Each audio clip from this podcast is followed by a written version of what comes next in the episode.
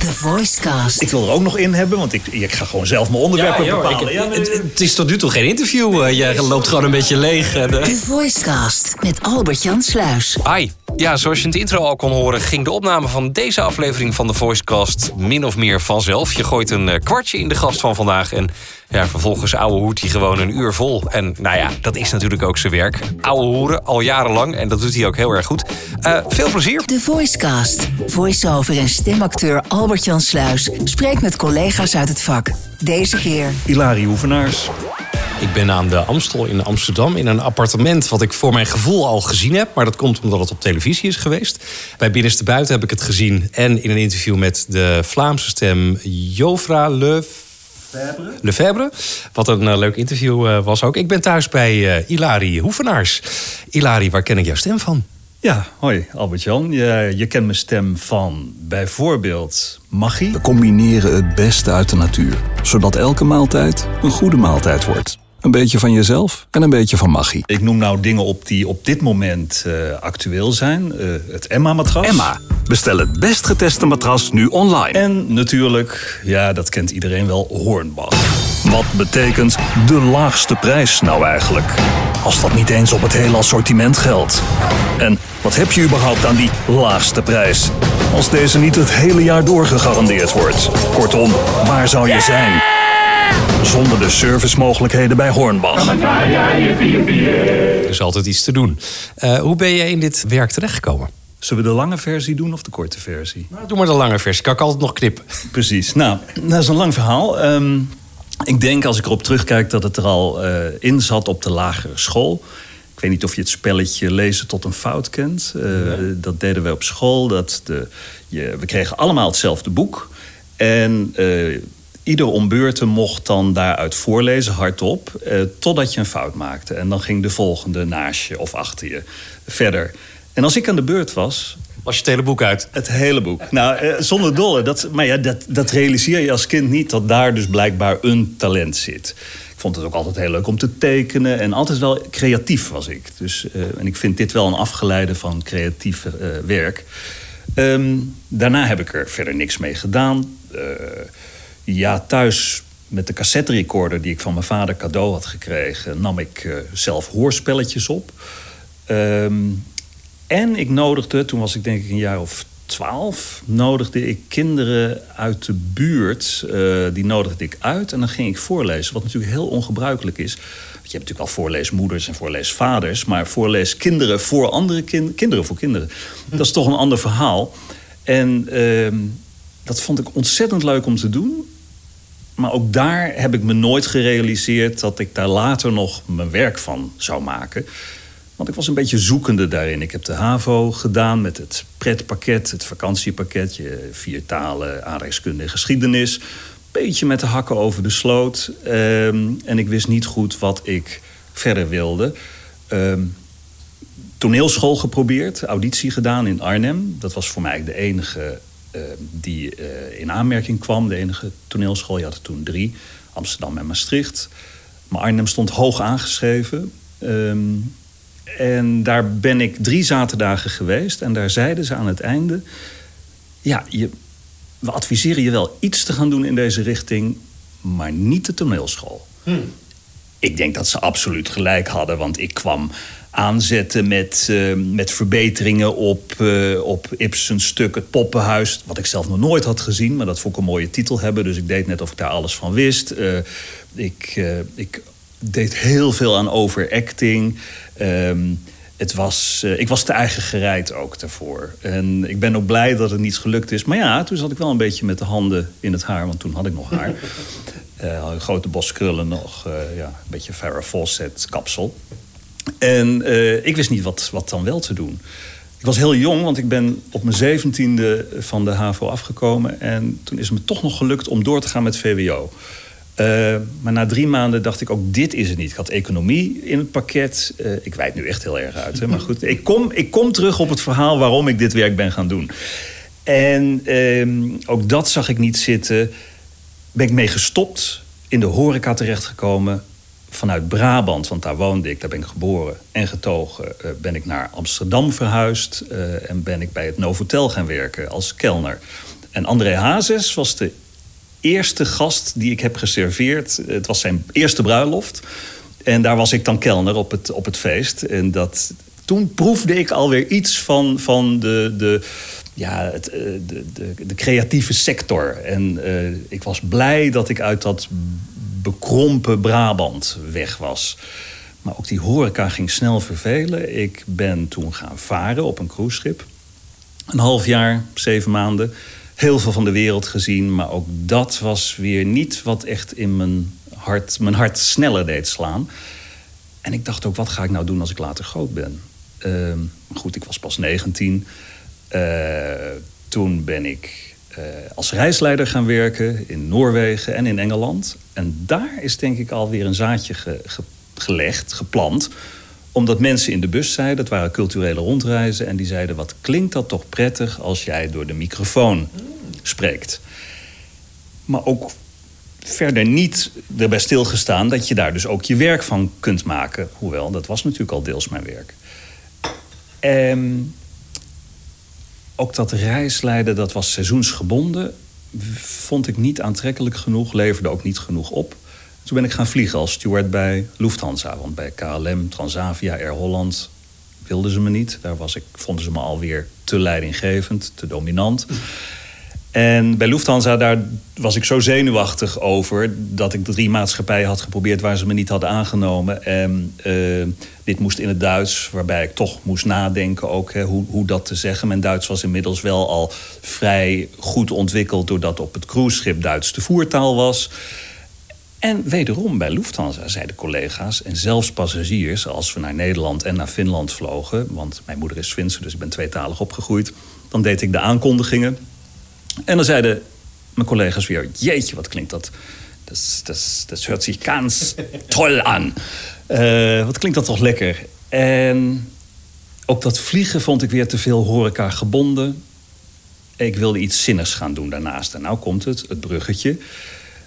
Uh, ik woonde intussen alweer in Nederland, maar pendelde op en neer naar Frankfurt. Dat was mijn uh, vertrekbasis. maar dat was omdat ik veel intercontinentaal vloog, maar drie, vier keer in de maand. Uh, dus was goed te doen. En ik woonde weer in Brabant. Beetje tegenvaller. Maar ik vond het contrast tussen dat internationale leven en dat um, uh, ja, wat burgerlijke leven vond ik heel prettig. Dat was vertrouwd. En daar kwam ik in contact met iemand die bij het Centrum voor Gesproken Lectuur, dat bestaat niet meer, dat heet nu volgens mij Dedacom, kan dat? Of is ja, een soort uh, blinde bibliotheek? Of... Precies, maar dit was dan echt alleen maar kranten en tijdschriften, dus geen boeken. Uh, daar zochten ze vrijwilligers voor het inspreken van kranten en tijdschriften. En in, in alle variaties. Dus van, van de. Uh, dat waren dan weeksamenvattingen van bijvoorbeeld NRC, maar ook muziekblad Oor. Uh, je had ook wetenschappelijke tijdschriften. Interviews uit de Playboy. Precies, nou, dat zal ik je zeggen. En daar kon je als luisteraar met recht zeggen: ik lees de Playboy. Voor de interviews. Voor de interviews, ja. ja. ja. En inderdaad, en dat wilde niet iedere vrijwilliger doen. Ik vond dat heel smeuig. Dus ik deed dat wel. En uh, uh, story. En dat vond ik zo leuk werk. En ook zinnig, nuttig werk. Ik deed dat voor niks. Ik kreeg een hele kleine uh, bijdrage. En daarnaast vloog ik nog. Dus dat vond ik een goede combinatie. En ineens dacht ik: en nu stop ik met het vliegen. En ik zie wel wat er gebeurt. Toen ben ik piano's gaan sjouwen twee dagen. En toen zei het Centrum voor Gesproken Lectuur... wil je niet solliciteren als vaste voorlezer, als beroepslezer... voor halve dagen, want langer kan je dat eigenlijk niet doen. En dat is wel betaald. En dat is wel betaald. Ja. En dat heb ik gedaan.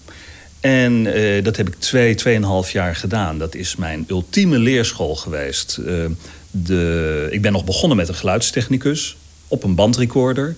Ze waren allemaal gecharmeerd van mijn uh, langdurig zonder fout kunnen. Dan hebben we het weer, lezen zonder fout. Daar waren ze van gecharmeerd, omdat je dan niet te veel knipjes hoefde ja. te maken in die band. Ik denk dat jonge mensen niet eens weten wat een bandrecorder is. Maar ja, dat, dat moest dan echt met een scheermesje geknipt worden, met een krijtje. Jij kent het wel. Ja, een streepje zetten, eruit halen, aan elkaar plakken. Ja, en dan wiek, wiek, wiek, weet je, ja. dan luisteren of je een mooie las kunt maken. En uh, ja, daar had ik blijkbaar feeling voor ook dat als er een, een, een, een uh, herneming, een retake gemaakt moest worden, dat het mooi aansloot op het voorgaande. Dus dat je dat maar één keer hoefde te doen. En uiteindelijk begonnen ze daar ook met zelfleesstudio's. Uh, met ook van die jingles, van die cartridges. Dus daar heb ik ook mee geleerd. Uh, leren werken. En zelfregie is daardoor natuurlijk ook ontstaan. We kregen les van onder andere Judith Bos. Ik weet niet of jij haar nog kent. Ja, geeft presentatietraining. Hè? Bij de Media Academie was dat vroeger toch, in Hilversum? Absoluut, en dat doet ze nu nog steeds. Maar ze werkt vooral voor zichzelf, volgens mij. En haar dochter is ook uh, stem. Is dat zo? Ja. Dat weet ik helemaal niet. Wel leuk. Ja, ik heb haar dochter wel eens ontmoet. Uh, hey, Evelien. Evelien. Ja. Nou, ik heb van haar heel veel geleerd van Judith Bos. Wat is die goed?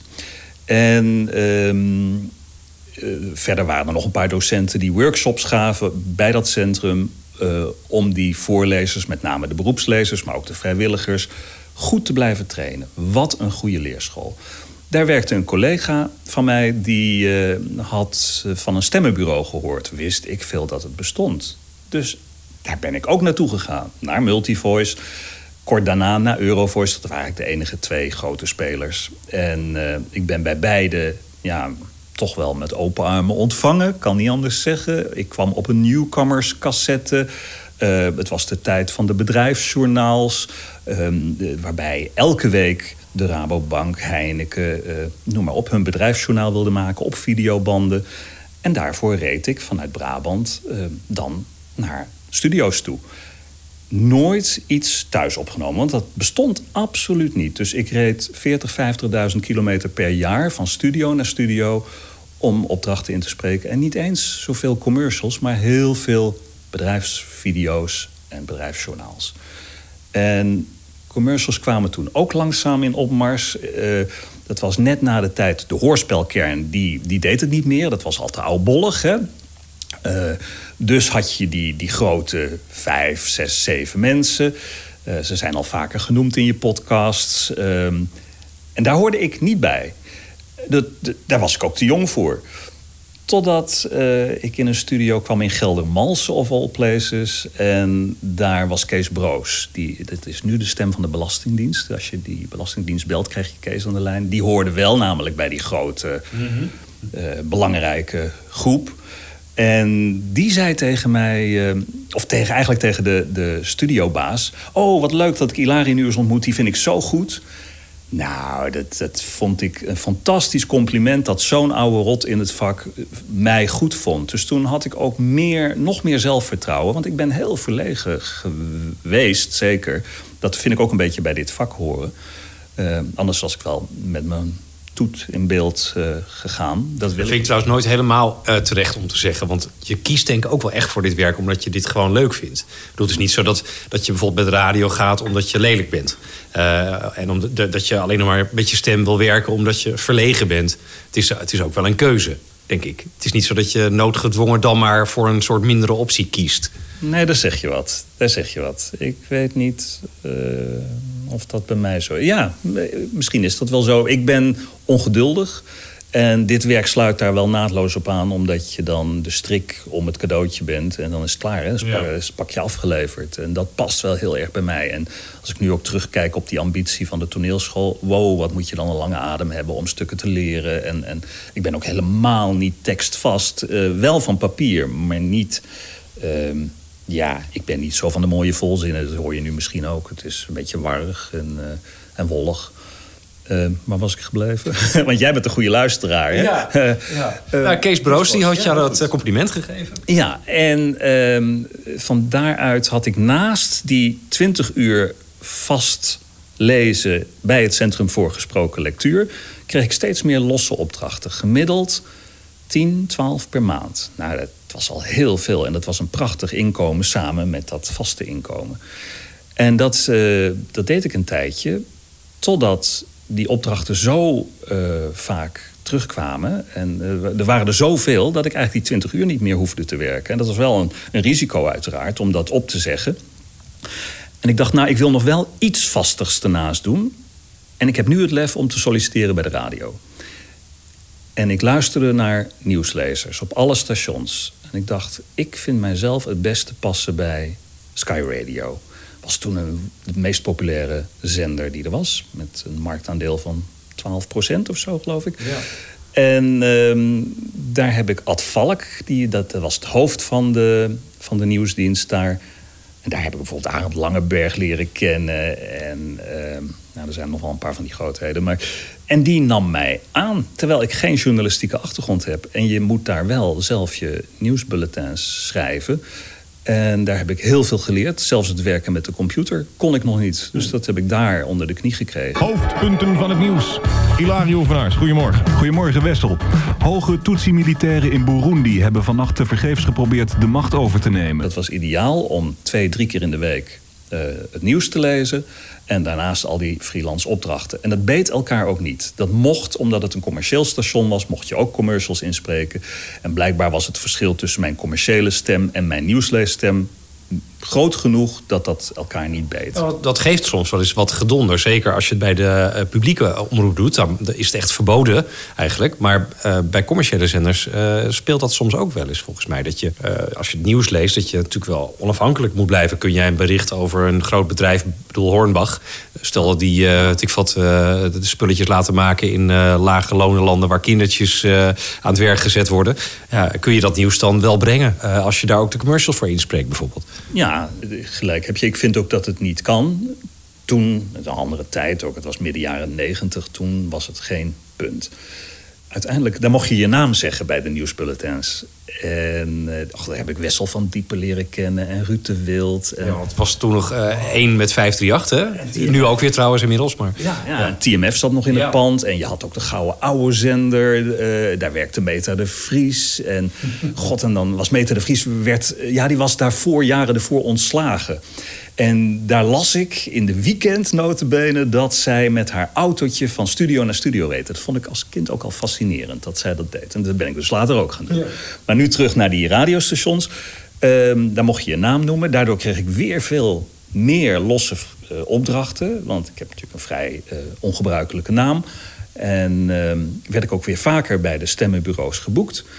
En um, toen ben ik ook gevraagd voor de NOS-radio om daar in vaste dienst bij. Uh, de, dat heette niet meer de Radio Nieuwsdienst, maar. De NOS Radio Nieuws. Precies, het, dat is het, ja. Uh, ik was zo gewend om uh, Radio Nieuwsdienst verzorgd door, door het ANP. Ja, ja, ja. om daar in dienst te komen. En daar heb ik echt ja, slapeloze nachten van gehad of ik dat nou wel of niet moest doen. Ik vond dat zo'n eer. Maar dan was het ook meteen afgelopen met die commercials inspreken. En uiteindelijk heb ik gekozen om niet te doen, die baan niet aan te nemen. Ik was wel heel verguld met het, uh, met het aanbod. Maar ik ben geen journalist in hart en nieren. Ik ben veel meer een handelaar. Een, uh, ik vind Monopoly een leuk spel. Dus ik, ik, ik, speelde vroeger ook graag winkeltje. En dat, dat heb je allemaal in dit vak. En ik weet van veel stemmen die dat ook een heel moeilijk onderdeel vinden. Hè? Dat, dat winkeltje spelen. En ik vind dat juist leuk. Ja. Dus... Maar daar had jouw carrière dus wel een, een aparte wending kunnen nemen. Ja. Want misschien had je dan uh, wel een soort journalistieke kant op kunnen gaan. Waarbij je inmiddels misschien, uh, want je al zei van nou, geen televisie. Uh, maar misschien had je het NOS-journaal op een gegeven moment wel gepresenteerd. Ja. Of op de radio met het oog op morgen, ik noem maar wat. Ja, wat ben ik blij dat ik dat allemaal niet heb. Ja, nee, ik ben toch ook te veel een Einzelganger, denk ik. En um, ik ben enig kind. Ik heb een illegale halfzus, maar dat uh, mag je niet uitzenden. en uh, vader was een zeeman, hè. um, dus dit past veel meer bij mij om, om, het, om zelf te, te, te prutsen. En um, nu dus nog meer doordat we ja, 90% thuis opnemen. Net als alle andere beroepsstemmen zeker. Hè. Um, ja, dus dat is eigenlijk niet eens in een notendop. Het verhaal van waarom we hier nu zitten. Want dit doe ik dus al. Ik ben dat pas op mijn dertigste gaan doen. Wat misschien wel relatief laat is. Maar wat ben ik blij dat ik iets gevonden heb wat bij me past. En dat het eindelijk... Het voelde ook een beetje als, uh, als thuiskomen. Uh, weet je, dat... Uh, maar ook daarin is nu een wending gaande, merk ik. En dat komt, ik ben... Ik word 57 deze zomer. Ik... Uh, klinkt een beetje blasé, maar ik ken het allemaal wel. Ik heb het allemaal wel een beetje gezien en gehad en gehoord. Dat wil niet zeggen dat ik mijn werk niet uh, met veel plezier nog steeds uh, uitoefen. Maar er komt een maar. Ik realiseer me steeds meer dat, er, dat ik mijn voldoening elders haal. En dat is in mijn geval bijvoorbeeld uh, veel meer met mijn vader optrekken dan vroeger zei net al, Zeeman is 92, wordt 92. Uh, de tijd is beperkt. Hè? Dus ik zie veel meer de beperking van het leven. Ook met vrienden afspreken. Um, heel veel, ik ga veel naar toneel, uh, theater. Uh, popconcert, uh, musea. Dus ik, ik vind cultuur, dat voedt mij enorm. En dat heb ik echt nodig naast deze commerciële shit. Maar is dat uh, ingegeven doordat je iets anders wil met je leven? Of komt het misschien ook doordat je nu minder werk hebt dan een jaar of vijftien geleden, om maar wat te noemen? Nee, ik ben altijd stabiel gebleven met werk. Ik heb altijd veel werk gehad. Nou, weet je, het, het groeide gestaag. Maar laten we zeggen vanaf eind jaren negentig... zonder dolle elke maand 20, 30, 40 opdrachten. En dat is altijd gebleven. Ook in de crisistijd. En waarom dat nou in zit... daar kan ik het antwoord niet op geven. Dat, ja. dat weet ik niet. Uh, ik kan wel gissen. Um, misschien dat het nu heel langzaam... maar dan ook echt heel langzaam achteruit loopt doordat ik geen acquisitie meer doe. Sinds een jaar, twee jaar. Helemaal niet. Dus dat droogt dan, denk ik, langzaam maar zeker een keertje op. Um, maar ja, dat, dat kun je als je zou willen natuurlijk ook wel oppakken. Ja, ja. maar dat wil ik niet en het hoeft ook niet. En um, dus ja, ik, ik, ik tel mijn zegeningen en ik vind dat ik me in een bevoorrechte positie bevind ik heb mijn schaapjes op het droge. Ik heb altijd vanaf de eerste opdracht zoveel mogelijk ook geprobeerd opzij te leggen, omdat ik dacht: dit kan een keer afgelopen zijn. Er hoeft maar iets met je stem te gebeuren. Ik heb twee jaar lang een arbeidsongeschiktheidsverzekering gehad, die natuurlijk niet te betalen is.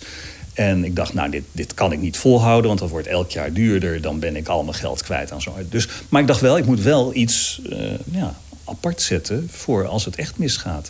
Ik ben creatief genoeg om iets anders te doen als mijn stem aan gort zou zijn, om wat voor reden dan ook. Maar uh, het, ja, die financiën, geld speelt wel een rol. Ja. En, en, geld maakt wel gelukkig, gelukkiger of makkelijker in elk geval. Ja. Even een paar dingen, want uh, jij uh, zegt van ja, ik ben rond mijn dertigste begonnen. Dus ik ben een laadbloeier. Ik heb zelf de indruk dat de meeste stemmen juist pas vanaf hun dertigste een beetje uh, werk beginnen te krijgen. Er zijn wel een paar. Weet je, er is altijd behoefte aan een stem die klinkt alsof die 14 of 15 is. Uh, dus ja, mensen in de 20 die doen het werk ook wel. Maar als ik zo om me heen kijk naar de succesvolle stemmen, uh, die zijn allemaal de 30 voorbij. Dus blijkbaar begint het dan pas. En wat ik ook wel interessant vind, hoe lang blijf je goed als stem? Kun je dit werk tot aan je pensioen blijven doen en eventueel ook nog daarna? Of houdt het gewoon echt een keer op? Ja, ja, leuke inzichten. Ja, ik denk dat stemmen van vroeger wel jong zijn begonnen. En nu misschien nog wel. Tenminste, ik vind de goede stemmen beginnen jong. Met iets wat met stemmenwerk te maken heeft. Al is het maar, zoals ik dan, reisleider of uh, vrijwilliger bij de Blindenbibliotheek of bij de lokale. Maar als je er zo tegenaan kijkt, ben je veel eerder begonnen dan je dertigste. Ja, maar dat zie ik pas achteraf. Ja. Alleen dat, het, dat ik er echt van ging leven, dat was pas na mijn dertigste. Ik vind dus dat de goede stem begint over het algemeen wel jong.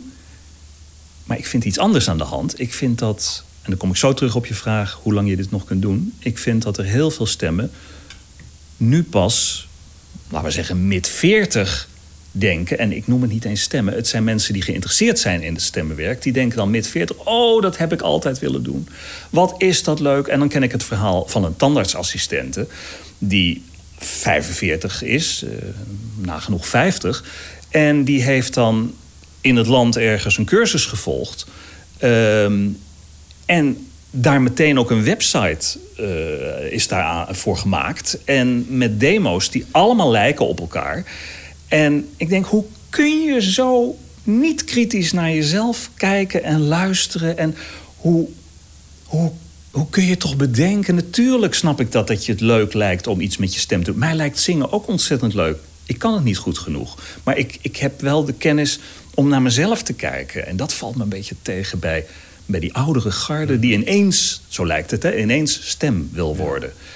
Dat gaat hem ook niet worden. Stemmenwerk is dus blijkbaar een optie... Uh, in het hele rijtje van dingen die je nou, na midlife crisis op zou kunnen gaan pakken. Ja. Uh, en ja, jij zegt dus eigenlijk van... Neem dat niet al te serieus. doe gewoon lekker die cursus. Ja. Maar ja, je kunt het die mensen ook niet kwalijk nemen... dat ze het proberen, toch? Nee, maar wat ik ze wel kwalijk neem is dat ze een heleboel stappen overslaan. Mm -hmm. En Ja, dat is onze frustratie misschien. Ja, ik ben daar niet gefrustreerd over. Ik ben daar meer ehm, verbaasd over. En ik eh, zeg het ook recht voor zijn raap als er naar gevraagd wordt. Eh, Maar ze weten het toch ook niet? Je, nee, maar hoe kan je nou zo naïef zijn?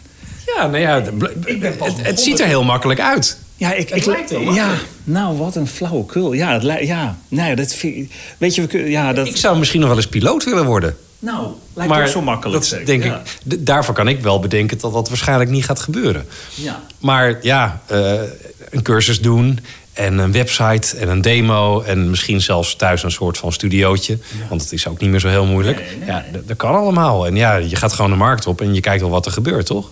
Ja, vind ik een naïeve gedachte. En vind ik ook weinig getuigen van eh, hoe je naar dit werk kijkt. En ook, eh, ja, het heeft ook iets verwens en iets verveelds, vind ik. Of ben- ik wil niet zuur overkomen, want ik ben helemaal niet zuur. Ik gun het ook Alsof iedereen. je er niet heel veel moeite voor hoeft te doen. Ja, wat denk je wel? Ja. Ja, ja, hou eens op zeg. En, en ehm, ja, ik heb er nog veel meer over te vertel- vertellen, maar ik, ik, dit, dit, is, dit is wel de strekking. Maar daarin doet de markt toch ook gewoon zijn werk. Want als er eh, heel veel behoefte is aan die stemmen, dan hebben ze werk. En als die behoefte er niet is, omdat ze misschien toch niet eh, nou ja, het niveau hebben dat verwacht wordt, dan ja, sterft het toch ook weer uit. Dan Tuurlijk. verdwijnen die mensen weer. Tuurlijk, dan zijn, het, dan zijn het een soort veredelde hobby's en dan hebben ze wat geprobeerd. En dat, dat, ja, ook dat houdt dan vanzelf op. Ik ben vooral verbaasd, denk ik. Dat, dat mensen, ja, die, dat is ook, ook bij jonge mensen hoor, zie je ook wel een generatie, vind ik, die, eh, wat is dat, de generatie, dus niet de generatie X, hoe heet het? Millennials? Ja, de millennials, ja, natuurlijk. Van, Met, met dubbel L en dubbel L. ja, blablabla. ja we, we zijn goed. We zijn, meteen, eh, Ja. we zijn meteen al stem. Nou, ik weet nog dat ik de eerste keer voor de Rabobank was het in Eindhoven eh, in moest spreken. Het waren maar twee zinnen. Met bonkend hart, het zweet liep over mijn rug. Ik, eh, maar ik wilde het dus echt goed doen. En ehm, ik heb ook altijd meteen goede prijzen gevraagd. Want ik lees wel eens op fora eh, dat je als beginner misschien wat lager moet inzetten. Hou eens op. Je bent of een goede professionele stem, of je bent het niet. Maar dat zo beginnend en daarom eh, lager je prijzen hanteren, vind ik zo'n flauwekul. Ik geef je helemaal gelijk, maar, eh, en ik heb het in het begin ook gedaan. Je denkt toch als je op die markt komt als, eh, voor het eerst, je kijkt eh, wat de prijzen zijn. En, en dan zie je eh, professionals, bedoel, ik noem een boet bijvoorbeeld, of, of jou. Je kijkt, eh, nou, wat vragen die?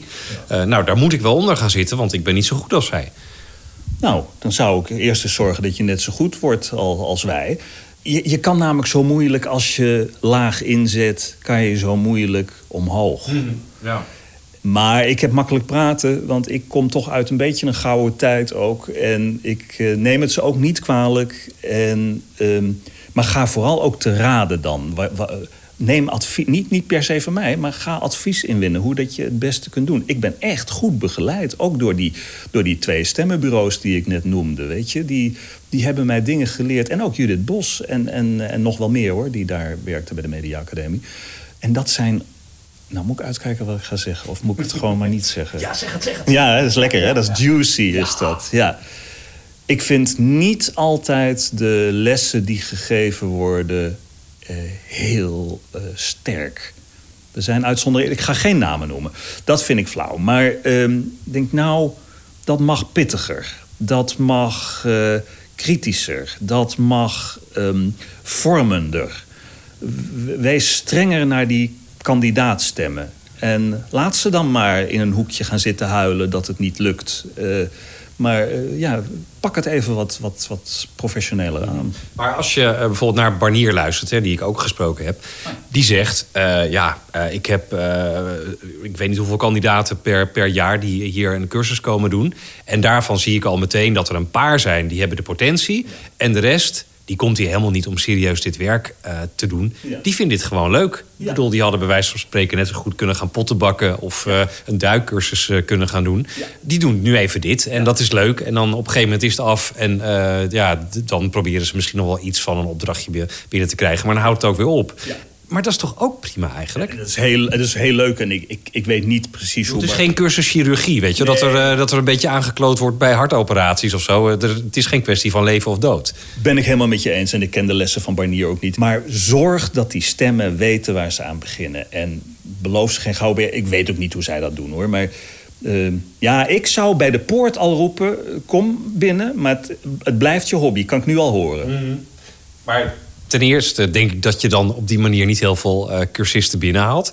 En ten tweede, ja, is het, is, nee, maar is het ook aan bijvoorbeeld Barnier of, of aan ons om te zeggen van eh, jij wel, jij niet? Weet je, iedereen moet dat toch voor zichzelf bepalen.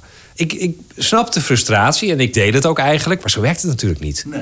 Het, het is altijd in beweging en het is, het is laagdrempelig. Ja. Eh, dus ja, je kan al, altijd proberen tussen te komen en dat lukt ook gewoon soms.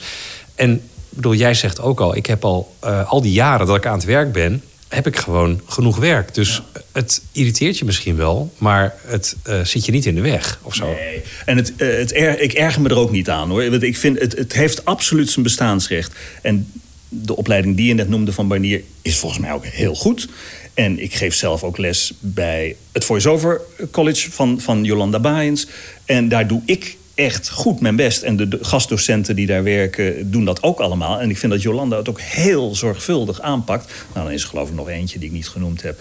Laat maar zitten. Ja, die, precies. Nee, dat, het heeft absoluut zijn bestaansrecht. Ik vind wel dat je strenger aan de poort Ja. mag zijn. Maar we moeten natuurlijk ook wel uitkijken dat we niet als een soort zure oude mannetjes overkomen. En ehm, eh, wat jij zegt bijvoorbeeld ook de, de ja, manier waarop ze nu inspreken, bijvoorbeeld, die vind ik een beetje slordig. Of, maar dat is ook wel eh, de, de stijl van nu. Zeker. Ja, als je naar, eh, dat is geloof ik de campagne van T-Mobile, die hebben een rapper, Sef. Oh ja, en die heeft een beetje een soort Amsterdam-achtig. eh, maar dat klinkt wel heel cool ook. Ja. Dus, dus Ja. dat is ook prima. Heel leuk, dat is heel leuk. En dan maak ik nu het bruggetje naar hoe lang kun je dan doorgaan. Dat is trouwens een karakterstem, hè, die, die eh, Ja. rapper. Karakterstemmen zijn ongelooflijk leuk en gewild en, en gewenst. En eh, dat ben ik op zich veel minder. Daarom hou ik Maar karakterstemmen zijn soms ook voice-over. Ja, zeker. Ja. Ja. Maar dan, je kunt ook... Ik denk dat ik zelf niet zozeer een karakterstem heb... maar dat ik wel een karakterstem kan opzetten. Voor Hornbach bijvoorbeeld. Hornbach is absoluut een voorbeeld daarvan. Ehm, je kunt dit tot in einde der dagen doen. Denk aan Corgalis, die deed het voor de VPRO. Hè? Die deed het tot zijn tachtigste, meen ik. En, eh, De, de metro in Amsterdam, toch? ja, nou, dat was Philip Bloemendaal. hè? Oh, Die- oh, ja. Station Wieboudstraat. Ja, ja, die. eh, dus dat kan. Ja, dat hoeft helemaal geen beletsel te zijn. Ik denk dat mannen het wel wat makkelijker hebben dan vrouwen. Ik hoor toch van eh, collega's die eh, ja, wat, wat ouder zijn, mijn leeftijd hebben, dat, ehm, dat de jongere vrouwenstemmen veel meer opdrachten krijgen dan zij. De verhouding is altijd al zo geweest. Hè? Vrouwen wat minder werk dan mannen. En nu wil ik even iets vertellen, misschien minuten binnen. Wat ik iedere stem zou adviseren. En oh, wat heb ik daar veel van geleerd. Ik ga nu een korte ode brengen. Aan een collega waar we zelden of nooit van horen. En dat is Dita Jansen. Niet Dieter Jansen, Dita Jansen. Ehm, toen ik in studio's kwam, eh, halverwege de jaren negentig... zag ik overal een visitekaartje op de muur geprikt met... thuis heb ik niks te zeggen. En dan kolderieke fotootjes van Dita met een microfoon, een koptelefoon op, noem maar op... in knalroze kleur. En eh, ik was een beetje jaloers op haar. Ik vond dat zij haar PR zo goed deed. En de marketing. En op een gegeven moment hadden wij in Scheveningen samen een opdracht. En wat een leuke vrouw, vond ik dat. En haar man was mee, Jaap, ook een oude hippie. Heel erg gezellig, we hebben daar vis gegeten. En de dag daarna zagen we elkaar notabene voor een taalkursus in eh, Leuven. En ehm, toen zijn we bij een frietkot eh, weer wat gaan snaaien. En zo raakten we bevriend en is zij jarenlang mijn sparringpartner geweest. Van haar heb ik het meeste geleerd dan, ja, van, van wie dan ook. Eh, en dan sta je niet zo alleen. Dat is misschien wat ik op die opleidingen tegen heb. Iedereen komt daar zomaar alleen naartoe. En je hebt, je hebt ehm, eh, steun nodig van een gelijke. Ehm, ik haal twee dingen door elkaar. Maar die, die ode, die wil ik toch even brengen. We hebben samen de, de, de, cassettes gemaakt en die rondgestuurd. We zijn cd's, toen de cd's opkwamen... zijn we cd's in Rotterdam laten persen met, met onze demo's om rond te sturen. Ehm, ik, eh, zij verzamelde adressen, maar wilde niet graag bellen. Ik vond het bellen geen proble- probleem en dat deed ik dan.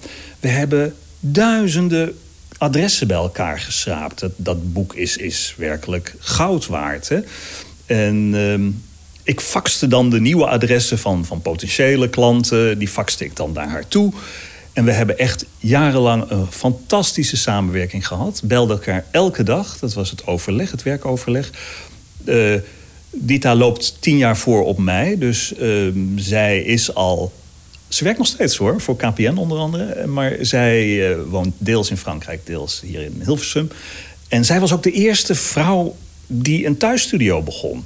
Um, en ik zei, nou, daar begin ik niet aan hoor. Dat, maar ik zag wel dat het haar werk opleverde. En dus zij was mijn grote voorbeeld van modern vakmanschap. En uh, zij kwam uit het NCRV-nest. Ze had al heel lang voor, voor, voor kenmerk onder andere ingesproken. Misschien zeg ik het niet helemaal goed. Sorry, Dita. Want ik ga je natuurlijk wel tippen. Jij luistert hier nooit naar, maar ik ga je wel tippen nu dat je moet gaan luisteren.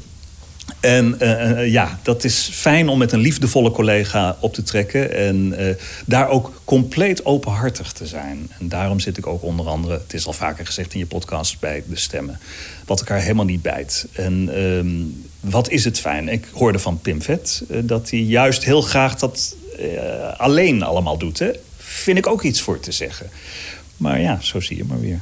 Ja, maar ehm, je noemt Pim, maar Pim die belt mij bijvoorbeeld ook wel eens van... Uh, goh, hoe, uh, hoe doe je dat? Of uh, er is toch altijd wel, weet je wel, een soort lijntje met, met nou ja, geestverwante mensen... die een beetje er op dezelfde manier instaan als jij. En dan wil je even spiegelen, weet je wel, even wat tegenaan houden. Ik zit ook niet bij een collectief. Nee. Um, ja, ik weet ook niet of ik ja zou hebben gezegd als ik ooit voor de stemmen zou zijn gevraagd. Ik, ik uh, zeg niet bijvoorbeeld nee, maar ik kan er ook prima zonder. Ja. Maar ik herken wel dat je uh, af en toe eens met een collega wil praten. Ja. En dat vind ik ook het leuke aan deze podcast. Weet je, kom iedereen over de vloer en uh, nou ja, je leert elkaar wat beter kennen.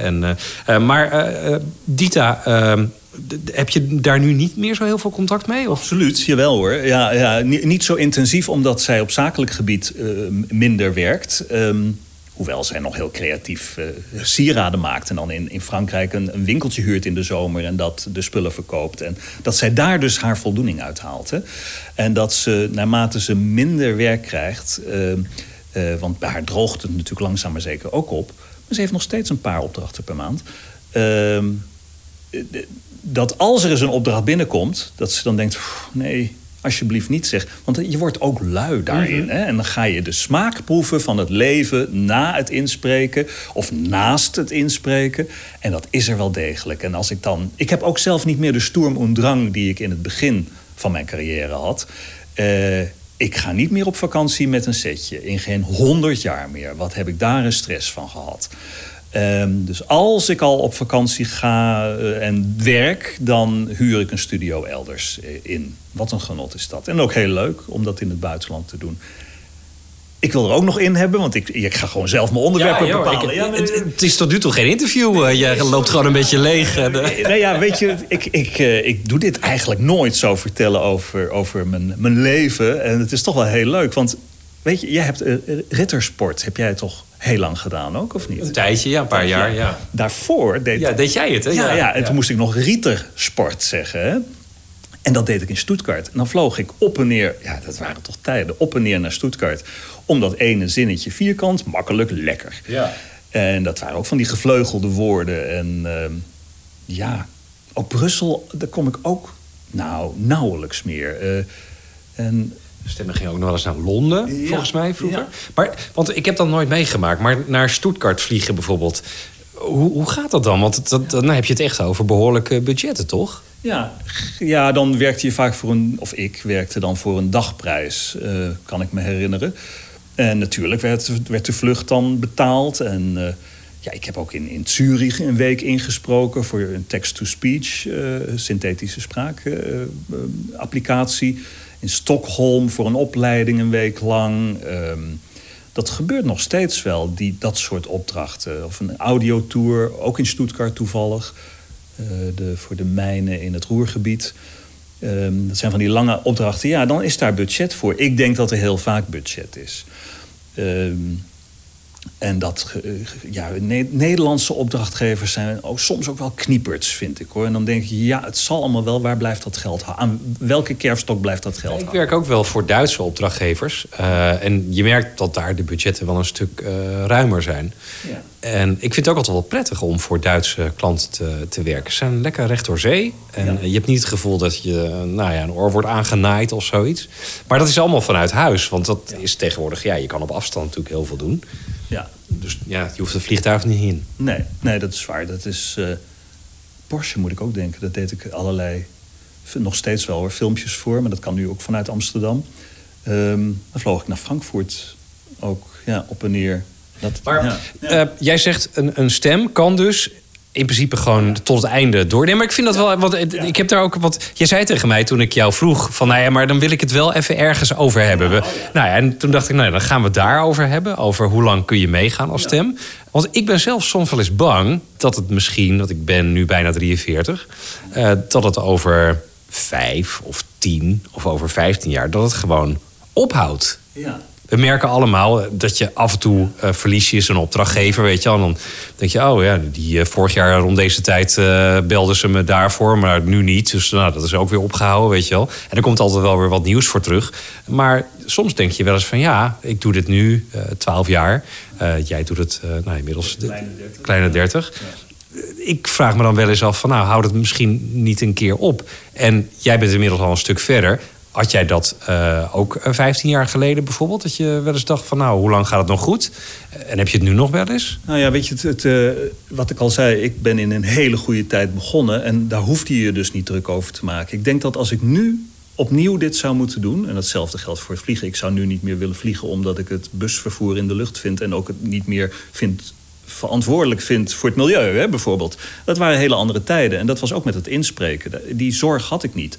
Ik zou nu niet meer opnieuw deze carrière willen maken... met de middelen die er nu zijn. Dat vind ik best wel een opvallende uitspraak eigenlijk. Ik vind het vak in dat opzicht geen klap aan. Want eh, waar zijn toch die professionele regisseurs gebleven? De producenten. Het is allemaal wegbezuinigd.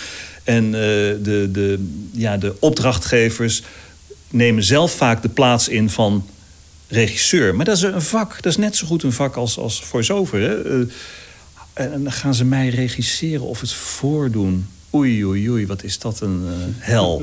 Maar ja, u vraagt wij draaien. Oh ja, dus je vraag was... Zal ik je een tip geven hoe je dat kunt voorkomen? Nou, niet te afhankelijk zijn van dat stemmenwerk. Altijd dingen ernaast blijven doen. Dat zou ik nu willen adviseren aan mensen die het stemmenwerk doen. En toch ook proberen binnen je stemmenvak... ehm, eh, niches aan te boren waar je tot dusver niet zo goed in was. Bijvoorbeeld, ik heb een paar luisterboeken gedaan. Dat had ik nooit eerder gedaan. Ik denk, nou, dat kan ook voor mijn oude dag. Hè. Dan heb ik alle tijd. En dus dat heb ik geprobeerd. Eh, daar vind ik van alles van. Maar dat heb ik nu intussen wel... Heb ik inzicht in. En met wat meer focus op het buitenland. Buitenlandse opdrachtgevers. Tot en met eh, China en Japan aan toe. Hè. Dus, eh, en ook het is een kans geven. Want kijk, India... Oei, daar, daar, daar hoor je toch wel heel veel nare verhalen over dat je je geld niet krijgt. Of dat het heel laag is, die budgetten. Toevallig heb ik ook een klant in India die wel heel goed betaalt. En dat zijn dan medische e-learnings. Ehm, ik ben toch ook wel meer de boer opgegaan met dat idiote, niks zeggende eh, Vlaamse accent van mij, wat nog vlees, nog vis is. Maar het wordt gevraagd en het, het, het, soms werkt het ook. En, en het Engels natuurlijk met een Nederlands accent is geliefd, het Duits met een Nederlands accent. Ja, toch ook de, de markt elders aanboren. Want alleen van Nederland dat is niet genoeg. Hè? Niet stil blijven staan. Ja, ik vind dat wel lastig, want uh, jij bent heel talig. Ja, ik, ik, kan wel een woordje Engels spreken, ja. maar ik waag me eigenlijk niet aan Engels inspreken. Hm. Want daar vind ik mezelf niet goed genoeg in. Uh, Duits, idem niet. Ik heb het allemaal wel gehad op de middelbare school. Maar als ik andere stemmen dat hoor doen, als ik jouw Duits hoor praten, denk ik van ja, daar hoef ik niet aan te beginnen. Nee, mijn Duits is dan wel het beste ook meteen hoor. En de, maar ook daar hoor je altijd nog wel de Nederlander erin door. Mondjesmaat. Maar de Duitsers willen vaak juist dat het wat Nederlandser klinkt. Ja. Want dan, en dan moest ik voor de Spido hier in Rotterdam. Ja, nee, het darf zo'n roerig een beetje Rudy Karel zijn. Hè? Dat willen ze dan. En dat kan ook. Um, maar de tip voor de stemmen, om, omdat je niet wilt dat het helemaal ophoudt, hè, is, ja, dat vind ik moeilijk. Daar, dan moet je toch bij de jonge garde te raden gaan wat die dan doen. Een sparringpartner zoeken. Dat Ja, is het eigenlijk. ja, Hè? ja. En samen daarover brainstormen. En kan een stem ook gewoon uitraken? Want er zijn toch ook wel stemmen... Ja, misschien zijn we ze vergeten inmiddels... maar die je eh, vroeger wel veel hoorde. Die er nog wel zijn, maar die je nu eigenlijk niet meer hoort. Ja, kijk, ik, ik behoor zelf ook een beetje tot de oude garde. En ik weet nog, toen ik begon, had je de hoorspelkern. En dat vond ik een aanstellers. Hè? En, maar nu vinden jonge mensen mij waarschijnlijk al te deftig of te netjes. eh, dus ik behoor langzaam maar zeker ook tot de dinosaurussen. En het is ook een, een natuurlijke manier van afvloeien. Hè? En dan komen de, de jonge stemmen komen daarvoor in de plaats. Ehm, Ja, jij spreekt inderdaad eh, altijd heel keurig eigenlijk. Het is heel verzorgd eh, wat je doet. Maar ik denk dat dat jouw eh, kracht ook is. Want het levert je... Kijk, je hebt het bijvoorbeeld over die medische e-learnings. Ja. Ja. dan wil je niet een of andere eh, Amsterdams accent, een rapper of... Nee, en ook niet, ook niet iets sloddigs. Hè? Nee. Dat moet wel gewoon goed uitgesproken worden. En ik ben niet van de eindennen en het hypercorrecte, Nee. absoluut niet. En ik vind, ik las laatst een blogje van Barbara Karel eh, over taal. Hè, en denk, oh, daar kan, ik een, eh, daar kan ik eens iets van opsteken. Want ik ben natuurlijk een beetje een oude schoolmeester. En eh, daar, ja, ik, ik leer ook veel van jonge mensen hoor. Dat ik juist wat losser moet zijn en worden. En vandaar dat ik ook zo'n interview geef. En vandaar dat ik ook met mijn huis op televisie ben geweest. Weet je, dat toch meer. Ik ben in een tijd dat je niet je gezicht moest laten zien. Want het was dan de mysterie van de stem was dan weg. Ja, nu ben ik, denk ik daar weer wat anders over. Dus ik ga wel met de tijd mee, hoop ik. Dus je moet van alle markten thuis zijn. Dat is de kracht. Ik heb wel eens gemaild met... eh, ik ben haar naam vergeten, maar ze deed vroeger Bonduel. En ze was de stem van Radio 2. Esther Julie heet zij? Nee, eh, god ja.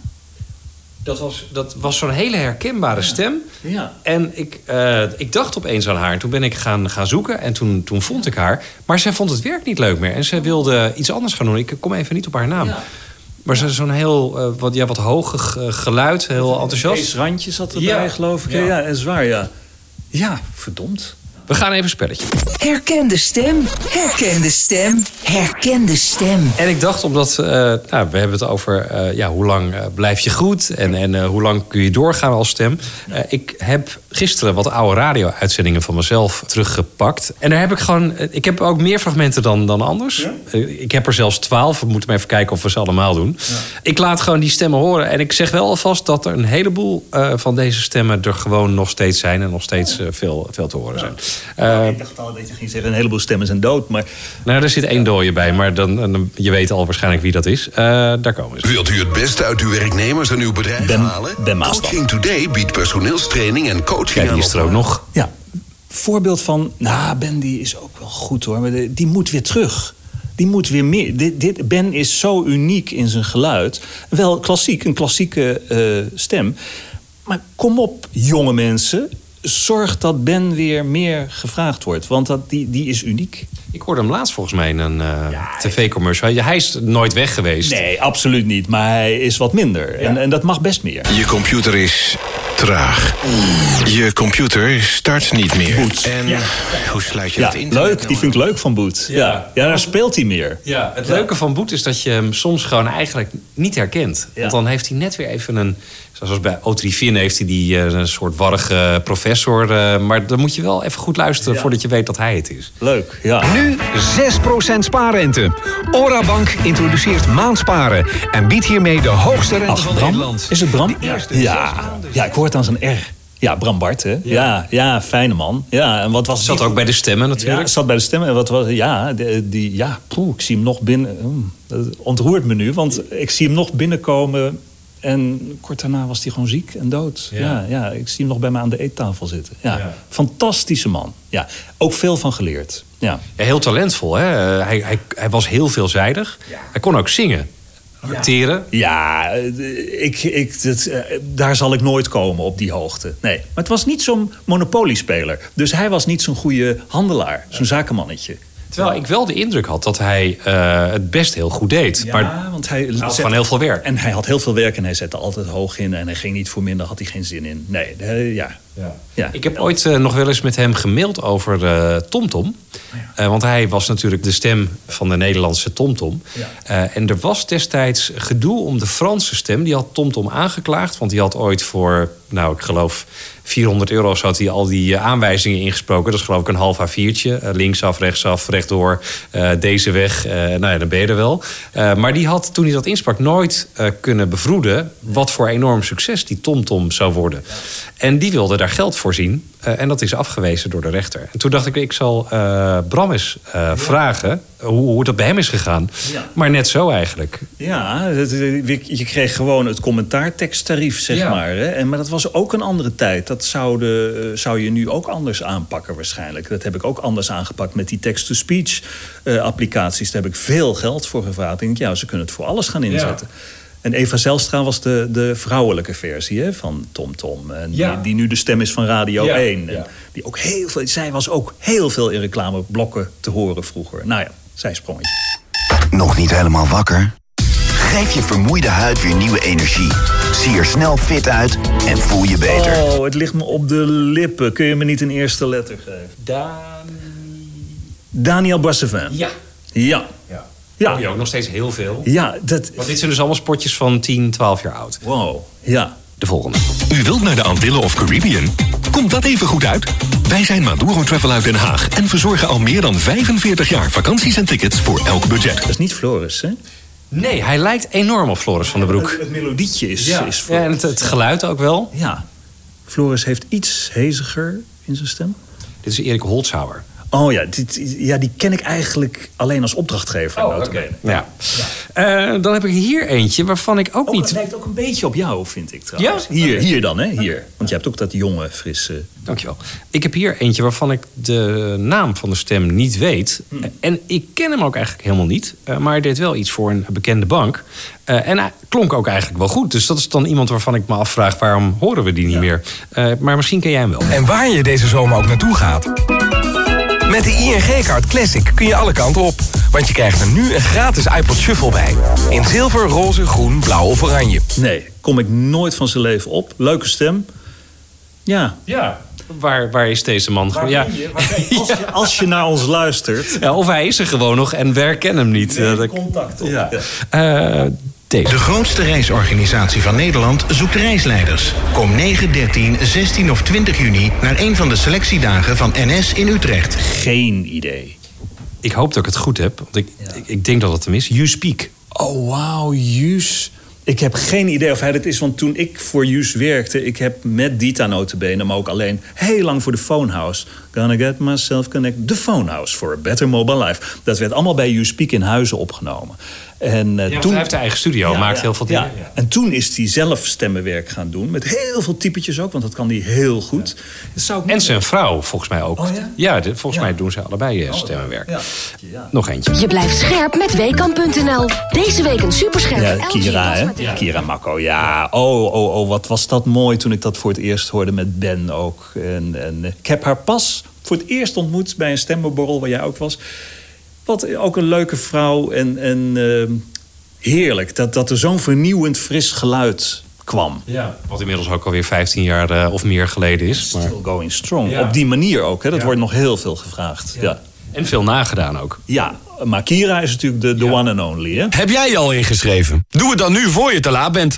Kom op zaterdag 23 juni tussen 10 en 3 naar de open dag van Hogeschool in Holland. Die was er ook al tien jaar geleden. Ja, Pim Vet. Ja, en dat, die herken ik nu omdat ik gisteren echt naar die podcast met Pim heb geluisterd. En, eh, Hij klinkt hier wel een stuk jonger. iets, ja, ja. Ja, wel mooi. Ja, Ik vind herkenbaar. hem nu nog mooi Ja. Ja. ik heb hem nooit. Ja, ik heb hem één keer heel kort ontmoet in het wisselen bij een studio. En eh, ik vind hem ook een held. Ja. Ik heb hier een stem die eh, je nog wel hoort, maar wel minder dan destijds, denk ik. De weg kwijt? Bij Halfords weten we alles van navigatie. Ook over TMC voor actuele verkeersinformatie. Ja, wie is dit dan nu? De twee valse zusters. Is, oh, is het Kees Prins? Nee, nee, nee, nee. Ja, het zit- ja, zit- Kees Prins le- leek er wel een beetje op, maar... Ja, die zit iets lager. Maar nee, geen idee. Rini van der Elsen. Ach, Rini. Ja, natuurlijk. Ach, met Rini ben ik tegelijkertijd zo'n beetje bij Multivoice begonnen. En we, we streden altijd om die vermaarde eerste... eh, Ja, de Multivoice top 40. Daar stond. Rini, stond Rini heel vaak in. En ik heb hem er één keertje, mocht ik, te- ik wilde niet zeggen ervan afgestoten, helemaal niet hoor. Maar nee, Rini, ja, ook, oh, die vind ik ook zo goed in wat hij weer doet. Hè. Die, Hij eh, doet onder andere de Wolf eh, in eh, de, die, die Efteling-sprookjes heel goed. Maar ja, ook heel veel televisieprogramma's. die tongue-in-cheek dingen doet hij meesterlijk. En eh, eh, ja, fijne collega, ook heel ehm, voor zichzelf werkend. Hè. Dat, dat, hij... Solitair. Solitair en, en zonder roddel en achterklap. hele lieve man. Ik heb hem ook al een keer gesproken. Ben benieuwd of je deze herkent. En win die rallyrit en een compleet verzorgd VIP-arrangement voor jou en drie van je Viespeuk. wat een waardeloos, wat een waardeloos stem. Dus, dat is, dat is, niveau kon niet altijd even hoog. Dat is precies. Dat is dus eentje die aan de poort, eh, eh, eh, eh, die zou de poort voor zijn neus dichtgeslagen Ja, hebben moeten ja. krijgen. Nee, hartstikke leuk. Toen deed jij het al. Ja, dat, ja, Ja, ja, ik zat er zelf. Ik kwam Ja. er zelf ook tegen. Nou, dan om af te sluiten. Ik ga altijd naar Happy Coffee toe. Nou ja, Coffee. Rijswijkseweg 308 in Den Haag. Ja, nou hier, Happy Coffee zit tegenover je. Ja, ja, ja. Met zijn happy copy. Ja. Ja, ook een oudje dus. Ja, Ja, ja. Nou. Die, die, zat er ook tussen. Ik Nou, dacht, wat nou leuk. Ja, Ik, eh, leuk. dat waren twaalf eh, stemmen. Nou, Ja. dat heb je best eh, goed gedaan, toch? Ik ga je trouwens nog eentje sturen. En dan mag je hem gebruiken als je wil. Eh, mijn eerste radio of eerste televisiecommercial. Wat een verschrikking zeg. Dan hoor je dat er toch ook wel ontwikkeling zit in, in de stem. En, Tuurlijk. eh, en ook eh, ja, de mode, aan de mode onderhevig. hè. De Citroën ZX. Een bijzondere ervaring. De Citroën ZX. Bijzonder Citroën. dat was wanneer? Ja, mijn eerste echte nationale televisiecommercial voor Citroën was... ehm, een mooie klant. Ja, een hele mooie klant. Dus Het een nieuwe Citroën ZX. En als je het ziet, ook het beeld, een oude kar, joh. Dat was 1992. En mijn eerste lokaaltje was 1991, 90. Restaurant Onder de Pannen, Speelheuvelstraat 33 in Zomeren. Onder de Pannen, deksels goed. Restaurant Onder de Pannen, deksels goed. Prachtig. Ilari, dankjewel. Ja, leuk, Albert-Jan. The Voicecast met Albert-Jan Sluis. Mooi. Fijn gesprek weer. Even wat rechtzetten nog, eh, want Ilari had wel degelijk gelijk. De stem van Bonduel, eh, deze dus. De diepvriesgroente van Bonduel, die staat snel op tafel. De verrassende groente. Dat was wel Esther Julie, alleen ik ken haar als Esther Teulen, want dat is haar echte naam. En Julie was ja, haar artiestennaam, omdat ze namelijk ook zangeres was. Ze was ook de zangeres in deze commercial. Eh, maar ja, die is dus min of meer eh, uit de studio, eh, laat ik het zo maar even zeggen, verdwenen. Niet van de aardbodem, maar ze doet eigenlijk geen inspreekwerk meer. Ilari, dankjewel en graag tot de volgende Voicecast.